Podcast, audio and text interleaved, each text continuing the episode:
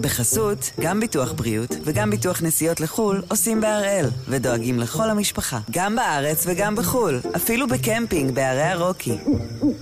כן, גם שם, כפוף לתנאי הפוליסה וסייגיה ולהנחיות החיתום של החברה. היום יום שני, 24 במאי, ואנחנו אחד ביום, מבית N12.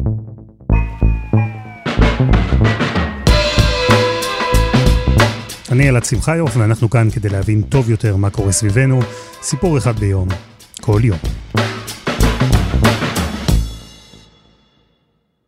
אחרי הפסקת האש בין ישראל לחמאס, התייצב נשיא ארצות הברית ג'ו ביידן למסיבת עיתונאים. הוא בכלל נפגש עם נשיא קוריאה הדרומית, אבל במסיבות עיתונאים מהסוג הזה, די נפוץ לשאול שאלות גם בקשר לנושאים אחרים. אז כתבת מ-ABC שאלה על ישראל. או ליתר דיוק על רוחות שמשתנות במפלגה הדמוקרטית, המפלגה של ביידן, בנוגע לישראל. What is your message to Democrats who want you to be more confrontational with Israel? And do you recognize that there's been a shift, an, an evolution in your party, Mr. President, in the last 20 years on this issue? יש גורמים במפלגה שלך שחושבים שצריך להפסיק את מכירת הנשק לישראל? היא שאלה אותו. אתה מודע לשינויים שקורים במפלגה ב-20 השנים האחרונות בנושא הזה? זו שאלה קצת מוזרה, בעיניי לפחות. האם ביידן, חבר ותיק ובכיר במפלגה הדמוקרטית, מודע לשינויים כאלה שקורים במפלגה שהוא בעצמו מנהיג? אבל הנשיא הביט בה בפנים חתומות, ובסוף ענה באופן נחרץ. There is no shift in my commitment the commitment to the security of Israel. period.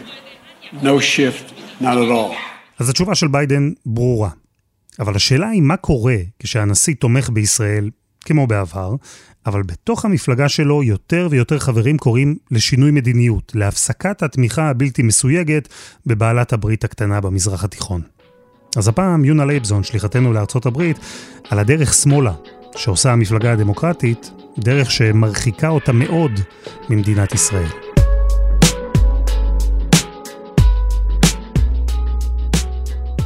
אהלן יונה.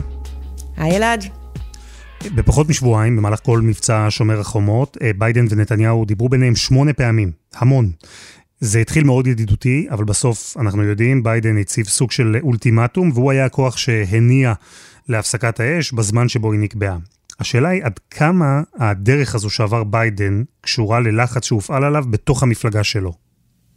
זה קשור כמעט אך ורק, הייתי אומרת. כי ביידן הצהיר כל הדרך, גם במהלך קמפיין הבחירות, וגם ראינו את זה שנים אחורה, גם כשהיו את העימותים הכי הכי הכי קשים בין ישראל לבין ארצות הברית, ביידן כסגן נשיא, והוא כל הזמן אמר, זה בסדר, יש גם את זה, אבל אני ידיד אמת של ישראל, ואתם גם תראו את זה. ובמשך עשרה ימים שמענו רק תמיכה מאוד מאוד נחרצת שלו. Israel has a right to defend itself when you have thousands of rockets flying into your territory, but uh, I had a, a conversation for a while with, with the uh, Prime Minister of Israel, and uh, my hope is that we'll see uh, this coming to conclusion sooner than later. Thank you. חזר ואמר, אני תומך בזכות של ישראל להגן על עצמה, אני מגנה את ירי הטילים על ידי חמאס, אבל אז התחיל הלחץ הזה מבפנים.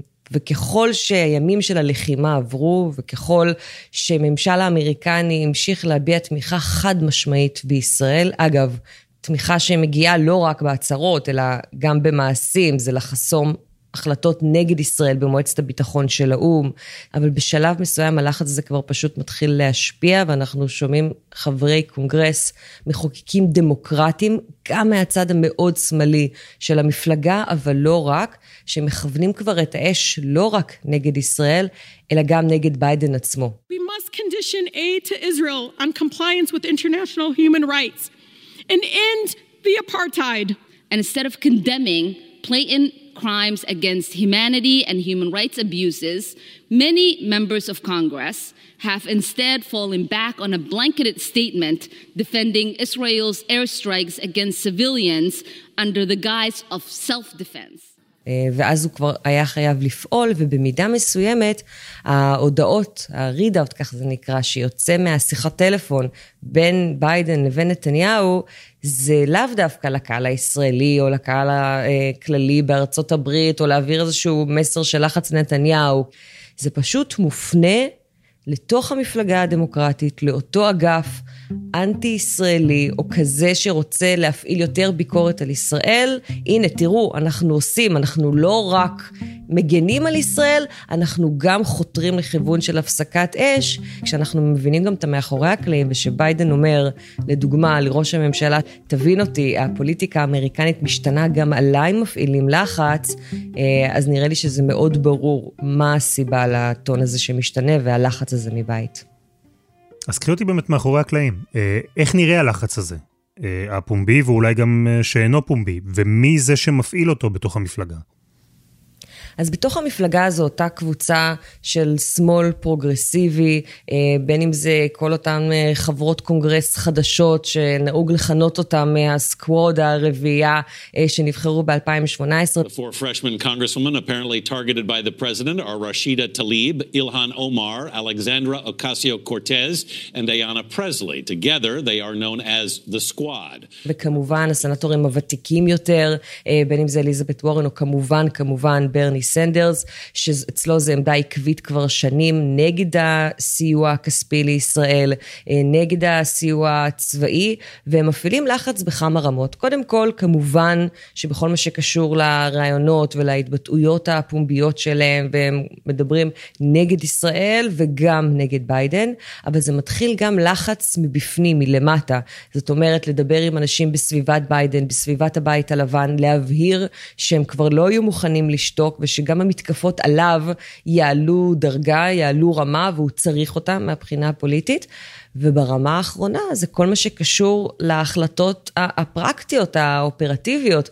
אם פעם מישהו כמו ברני סנדרס היה האדם היחיד שדיבר על כך שצריך להתנגד לסיוע הביטחוני לישראל, או לפחות להתנות אותו בצעדים כאלה ואחרים, היום אנחנו כבר שומעים יותר ויותר קולות כאלה שמבקשים לבחון, שאומרים אנחנו לא יכולים גם להתנגד למדיניות ישראלית בדברים מסוימים, אבל גם לתת להם כסף שבסוף הולך כדי לממן בדיוק את כל המטרות האלה. So what I believe, Tommy, at a time when we spend, I think it's 3.8 billion dollars on military aid to Israel, we have a right to say to the Israeli government, we will not accept authoritarianism or racism, and we demand that the Israeli government sit down with the Palestinian people and negotiate an agreement that works for all parties. וזה ממש כבר לא רק ברני סנדרס, זה יותר ויותר נבחרי ציבור דמוקרטיים שגם לאט לאט מגיעים לא רק מהאגף המאוד מאוד שמאלי קיצוני, סטייל ברני סנדרס של המפלגה. כלומר, מה שפעם היה בשוליים, אה, גם בקשר לישראל, אבל אני מניח שלא רק, הולך ומתפשט לכיוון המרכז של המפלגה הדמוקרטית. אז בואי נחזור קצת אחורה. אה, מתי מתחיל התהליך הזה, שבו בעצם האגף הזה, השמאלי, רדיקלי, פרוגרסיבי במפלגה הדמוקרטית, מתחיל פתאום לצבור כוח? זה תהליך שנמשך כבר עשרות שנים, ואני חושבת שזה שילוב של, של כמה סיבות. קודם כל, זה העובדה שמה שהיה פעם החלום האמריקני, ושיחסית בקלות אנשים יכלו לרכוש בית ורכב, ושתהיה להם עבודה טובה, ולחסוך ולצאת לחופשות, זה כבר לא הסיפור היום, ממגוון של סיבות, אבל הפערים הכלכליים העצומים, אנשים שהתעשרו עוד יותר ואנשים אחרים שממש ממש לא. החובות להשכלה גבוהה, לדוגמה, החובות שיש לאנשים לטיפול רפואי בארצות הברית. אלה דברים שבעיקר באוכלוסייה הצעירה זה מאוד דיבר לליבם, כי הם ראו את ההורים שלהם שבאמת התעשרו יחסית בקלות, וגם אם לא התעשרו, יכלו לחיות חיי נוחות יחסית בקלות. ואצלם זה כבר לא הסיפור.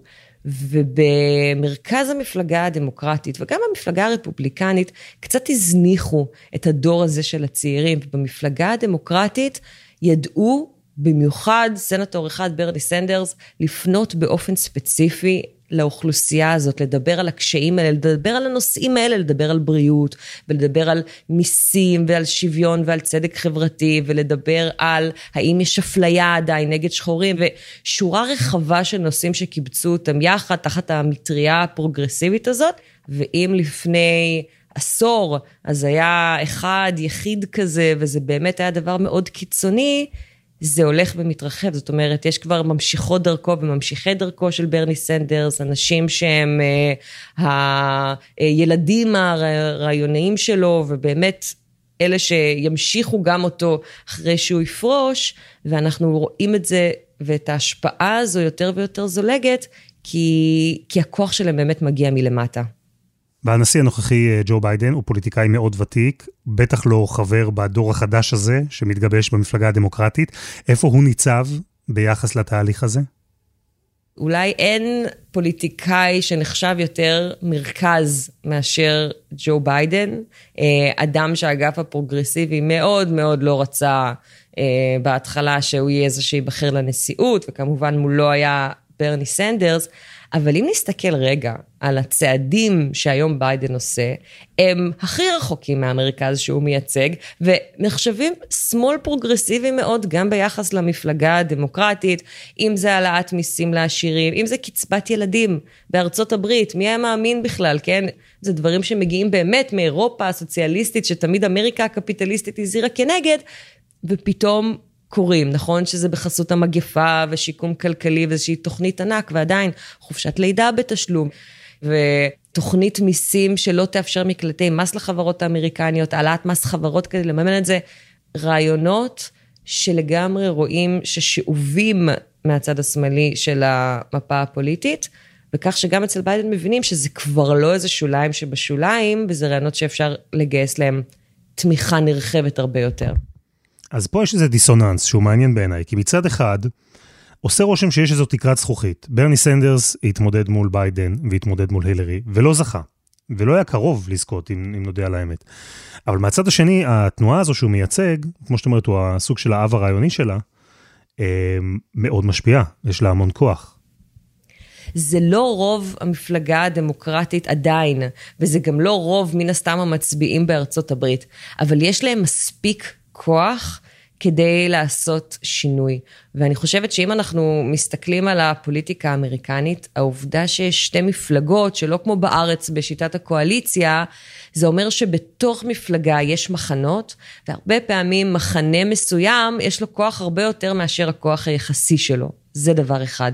הדבר השני, זה אני חושבת שגם כשמסתכלים לעתיד וכשמסתכלים קדימה, אז גם הרבה סנטורים ומחוקקים דמוקרטיים מבינים שגם אם המצביעים שלהם לא ממש שם עכשיו, הם יהיו שם בעוד שנתיים, בעוד ארבע, בעוד שש, החלק רק הולך וגדל בגלל שאפיינו אותם כאנשים בעיקר צעירים, אז אנחנו רואים שככל שהשנים עוברות כוחם רק גדל. וכמובן, שחייבים להגיד רגע, שהמנוף או הלחץ או נקודת המפנה העיקרית ביחס לשמאל האמריקני ואולי לתהליך פרוגרסיבציה שלו, היה אחד בשם דונלד טראמפ.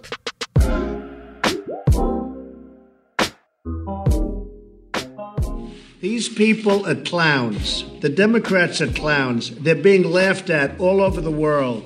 They're the elite. I'm not. Well, I have a better education than them. I'm smarter than them. I went to the best schools they didn't. Much more beautiful house, much more beautiful apartment, much more beautiful everything. אז זהו, שבעצם אם אנחנו מדברים על השמאל האמריקני, ובטח על השמאל הרדיקלי האמריקני, אי אפשר להתעלם מהימין האמריקני, שלא נאמר הימין הרדיקלי האמריקני. ושנות טראמפ, הכהונה של טראמפ, עד כמה הן תרמו להקצנה מנגד במפלגה הדמוקרטית? תרמו מאוד, ואני חושבת שאולי אחרי שסיכמנו את כל התהליכים ודברים שקרו בלי קשר, טראמפ היה באמת איזשהו קטליזטור, כי אנחנו יודעים שכדי שקיצון אחד ישגשג, הדבר הכי טוב זה שיצמח איזשהו קיצון מה, מהצד השני. ואני חושבת שזה קרה מיד עם היבחרותו של טראמפ, אנשים ש... לא האמינו שזה קרה ושאולי היו פחות מעורבים פוליטית. וכמובן שזה נתן הרבה מאוד דלק, כי פתאום יש מטרה מאוד מאוד ברורה. זה לא לשנות את פניה של המפלגה הדמוקרטית או בעד איזה רעיון, זה נגד טראמפ, וזה משהו כבר שסחף הרבה מאוד אנשים.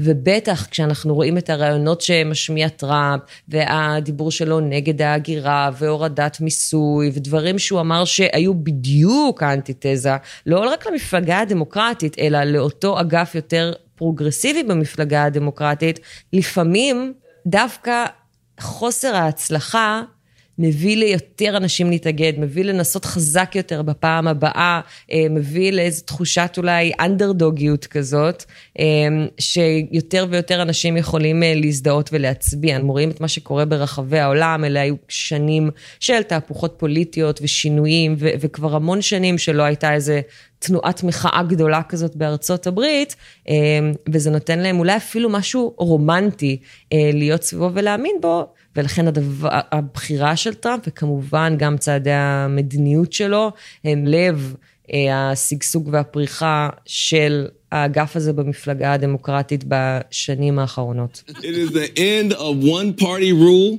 in the United States, thank God, and the beginning of a new Democratic Party, younger, browner, cooler, more women, more veterans can win in Michigan. אז קחי אותי לתוך האגף הזה במפלגה. על מי אנחנו מדברים, ומה האג'נדה שבכלל הם מביאים איתם לתוך הפוליטיקה האמריקנית.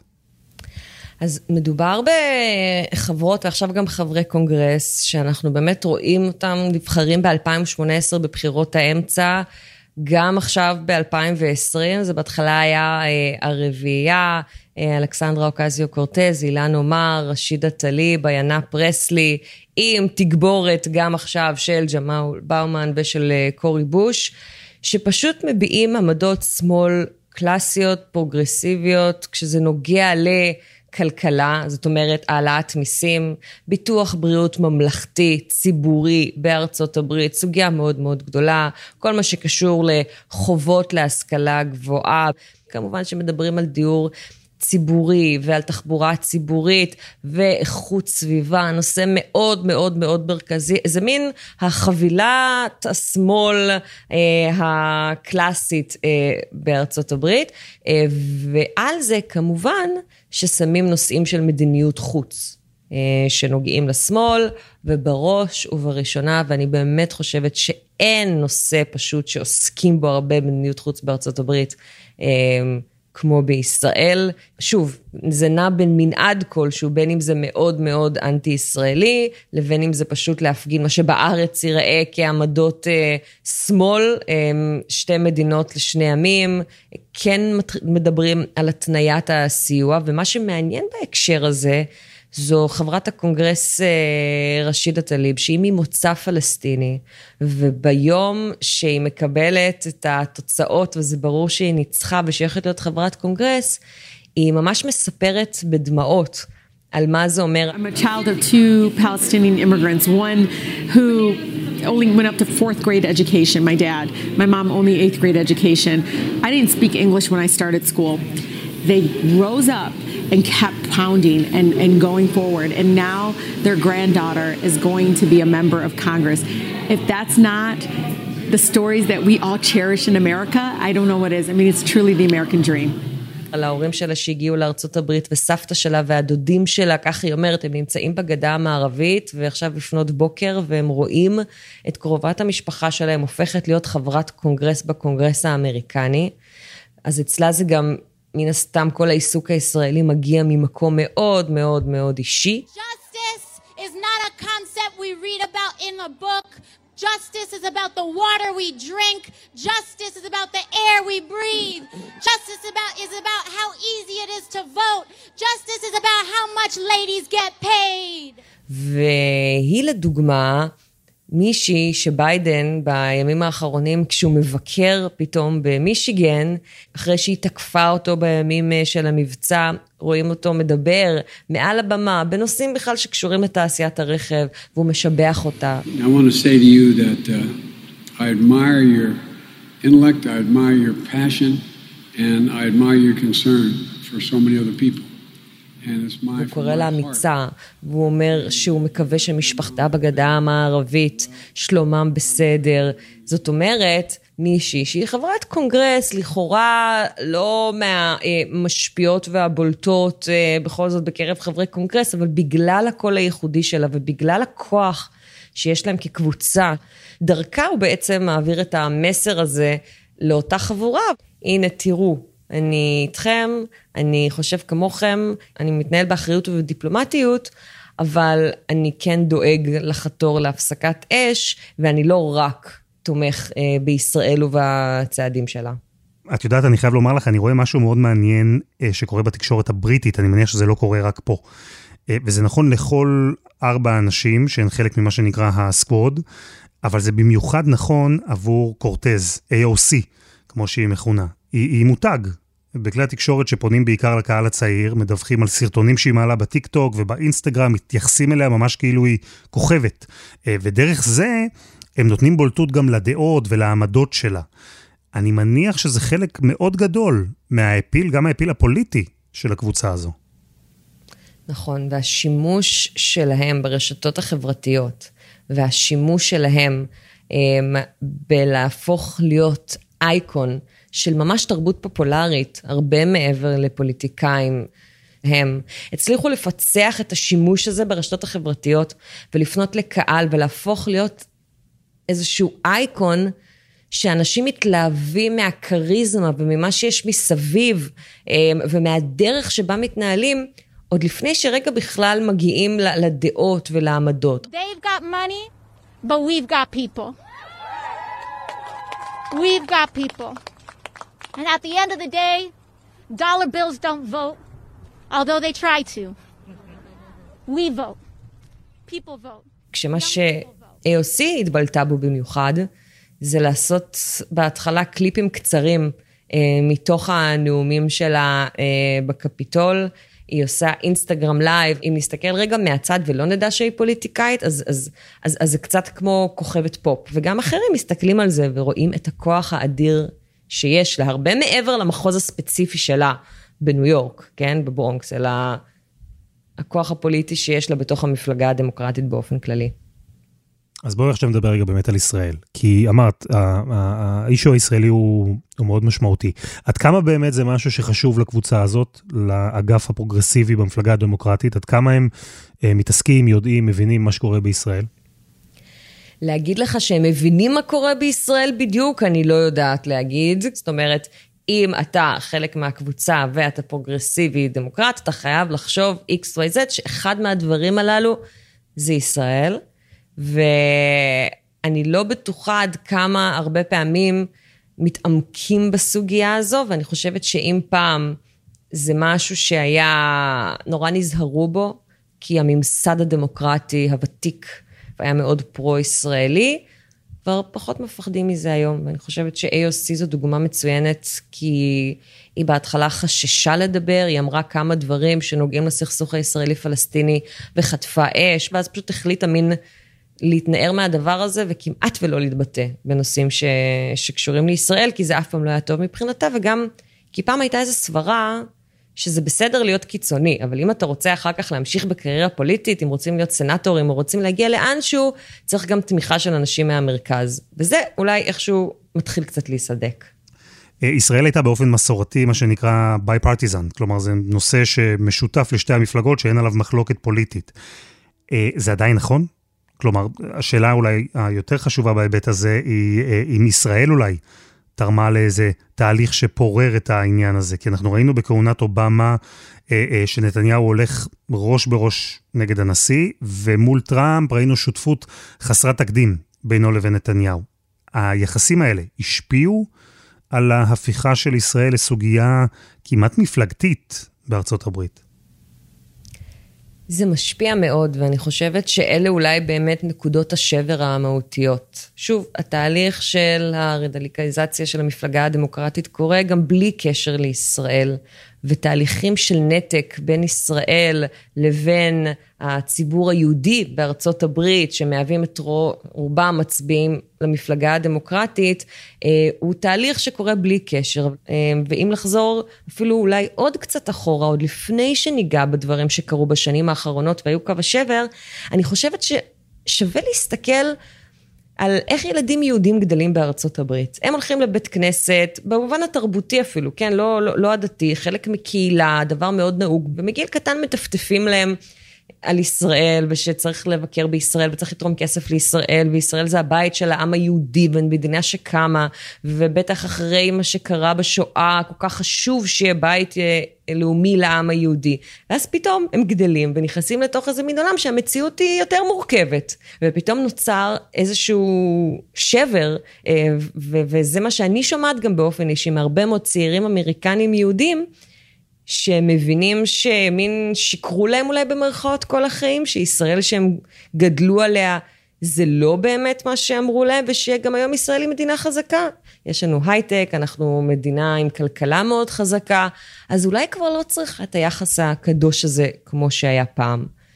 אני אקח אותך עוד יותר אחורה.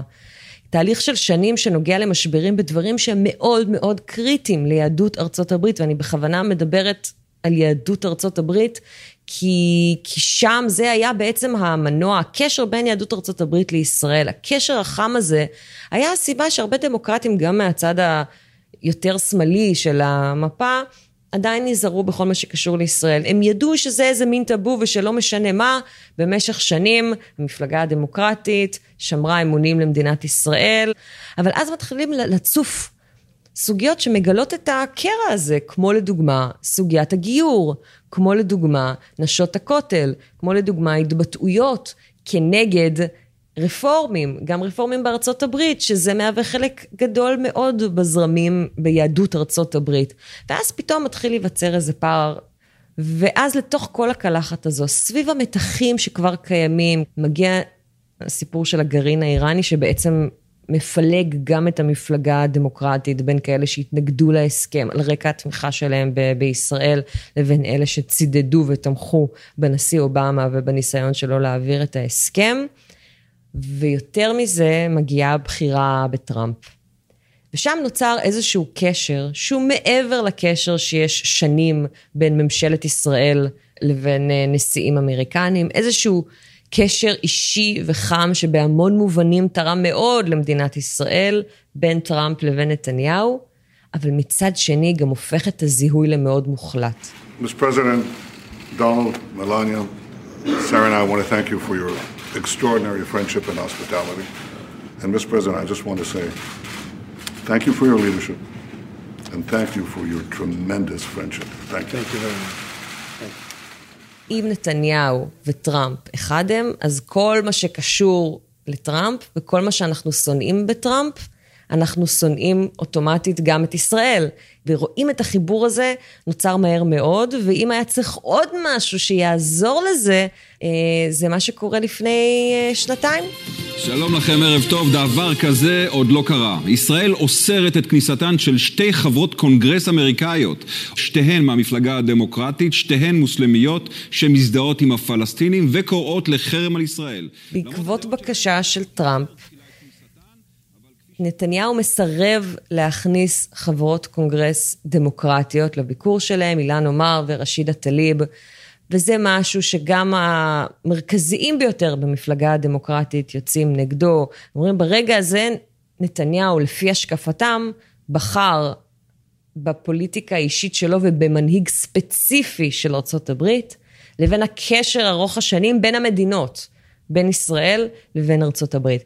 אה, ואני חושבת ששם הייתה נקודת השבר האחרונה של איזשהו מין זיהוי מוחלט, ואם שנים בישראל התעקשו לשמור על התמיכה הדו-מפלגתית הזו, זה היה סוד הכוח, בגלל זה היה ברור שתמיד תהיה תמיכה, בגלל זה יכולנו ללכת למהלכים מדיניים וצבאיים, וגם כאלה שלא היו הולכים לארה"ב, כי אנחנו יודעים שבכל צד תמיד יהיה לנו תמיכה, ואני חושבת שכבר יהיה קשה אה, להחזיר את הגלגל לאחור. אבל זה יכול להגיע עד לשם, יונה? זה יכול להגיע למצב שבו אה, אנחנו נראה את האגף הפרוגרסיבי הזה משתלט ותופס עד כדי כך כוח שהוא יאמר, אני מנתק את הפרדיגמה הזו, שארצות הברית עומדת לצד ישראל no matter what, בלי כמעט תנאים והסתייגויות?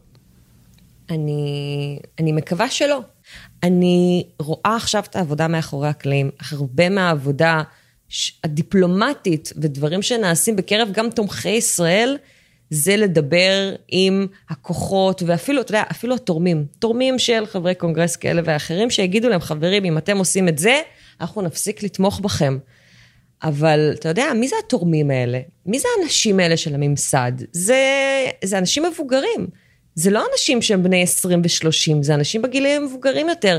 מה יקרה כשהם כבר לא יהיו איתנו, כשהם יצאו מהמשחק הפוליטי, כשייכנסו במקומם קולות חדשים, ואז כבר יש פחות כוח לכל מיני אוהבי ישראל, בכירים ככל שיהיו, בעמדות מפתח, עשירים ותורמים של המפלגה הדמוקרטית. הם מאבדים את האחיזה הזו, ולכן אני לא יודעת להגיד לך האם באמת פניה של המפלגה עכשיו השתנו, שאנחנו ככה באיזושהי נקודת קיצון, אבל ישראל לגמרי צריכה לחשוב על זה, וזה נראה שעד עכשיו היה אה, קצת נוח להתעלם.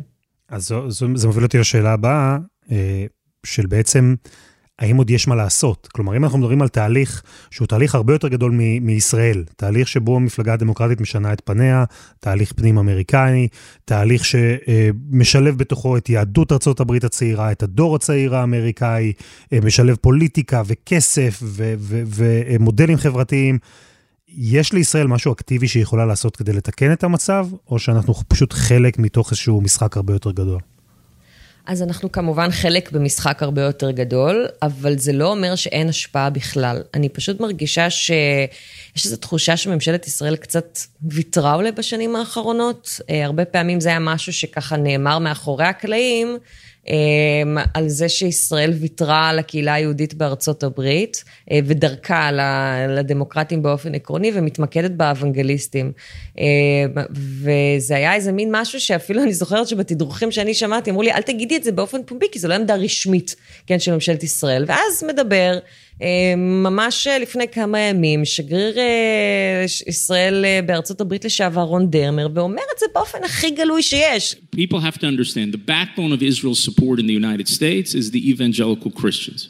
You should be spending a lot more time doing outreach to evangelical Jews, than, uh, evangelical Christians, sorry, than you would do uh, to Jews. כאילו ממש אומר כמעט לא שווה להשקיע בקהילה היהודית, צריך להשקיע בקהילה האוונגליסטית, כי, כי הם התומכים. אני חושבת ש... יש מה לעשות וצריך לעשות את ההסברה ואת בניית הקשר הזה, לא בעת משבר. אתה סיקרת את זה, אתה ראית, זה נורא נורא קשה כשיש מצב של לחימה או כשיש פתאום איזה משבר, לגייס את דעת הקהל לטובתנו, מכל מיני סיבות, אבל בסוף זה קשה. אבל כן אפשר לעשות את זה בשלב הראשוני. לדוגמה, בפוליטיקה המקומית בניו יורק, שם גדלים הפוליטיקאים של העתיד, בין אם הם נבחרים פה ובין אם רעיונותיהם מתעצבים פה. וצריך לתפוס אותם כשהם צעירים, וכל מה שקורה בקמפוסים. וזה נראה שישראל בכלל לא, לא במגרש. ואני חושבת שאם אומר שגריר ישראל בארצות הברית לשעבר, שאתה יודע, מין כזה טוב, אפשר כבר לוותר, אז uh, זה באמת מראה את, ה, את המצב העגום אולי שהגענו ביחס בין... אמ, בין המפלגה הדמוקרטית, בין הצעירים, בין הקהל היהודי שהוא עדיין מנוע מאוד מאוד חשוב שם, אה, לבין מדינת ישראל. כי ברור שלא הכל אבוד, וברור שהפוליטיקה משתנה, וברור שיש דברים שאפשר להדגיש, אבל, אבל צריך לעבוד בזה.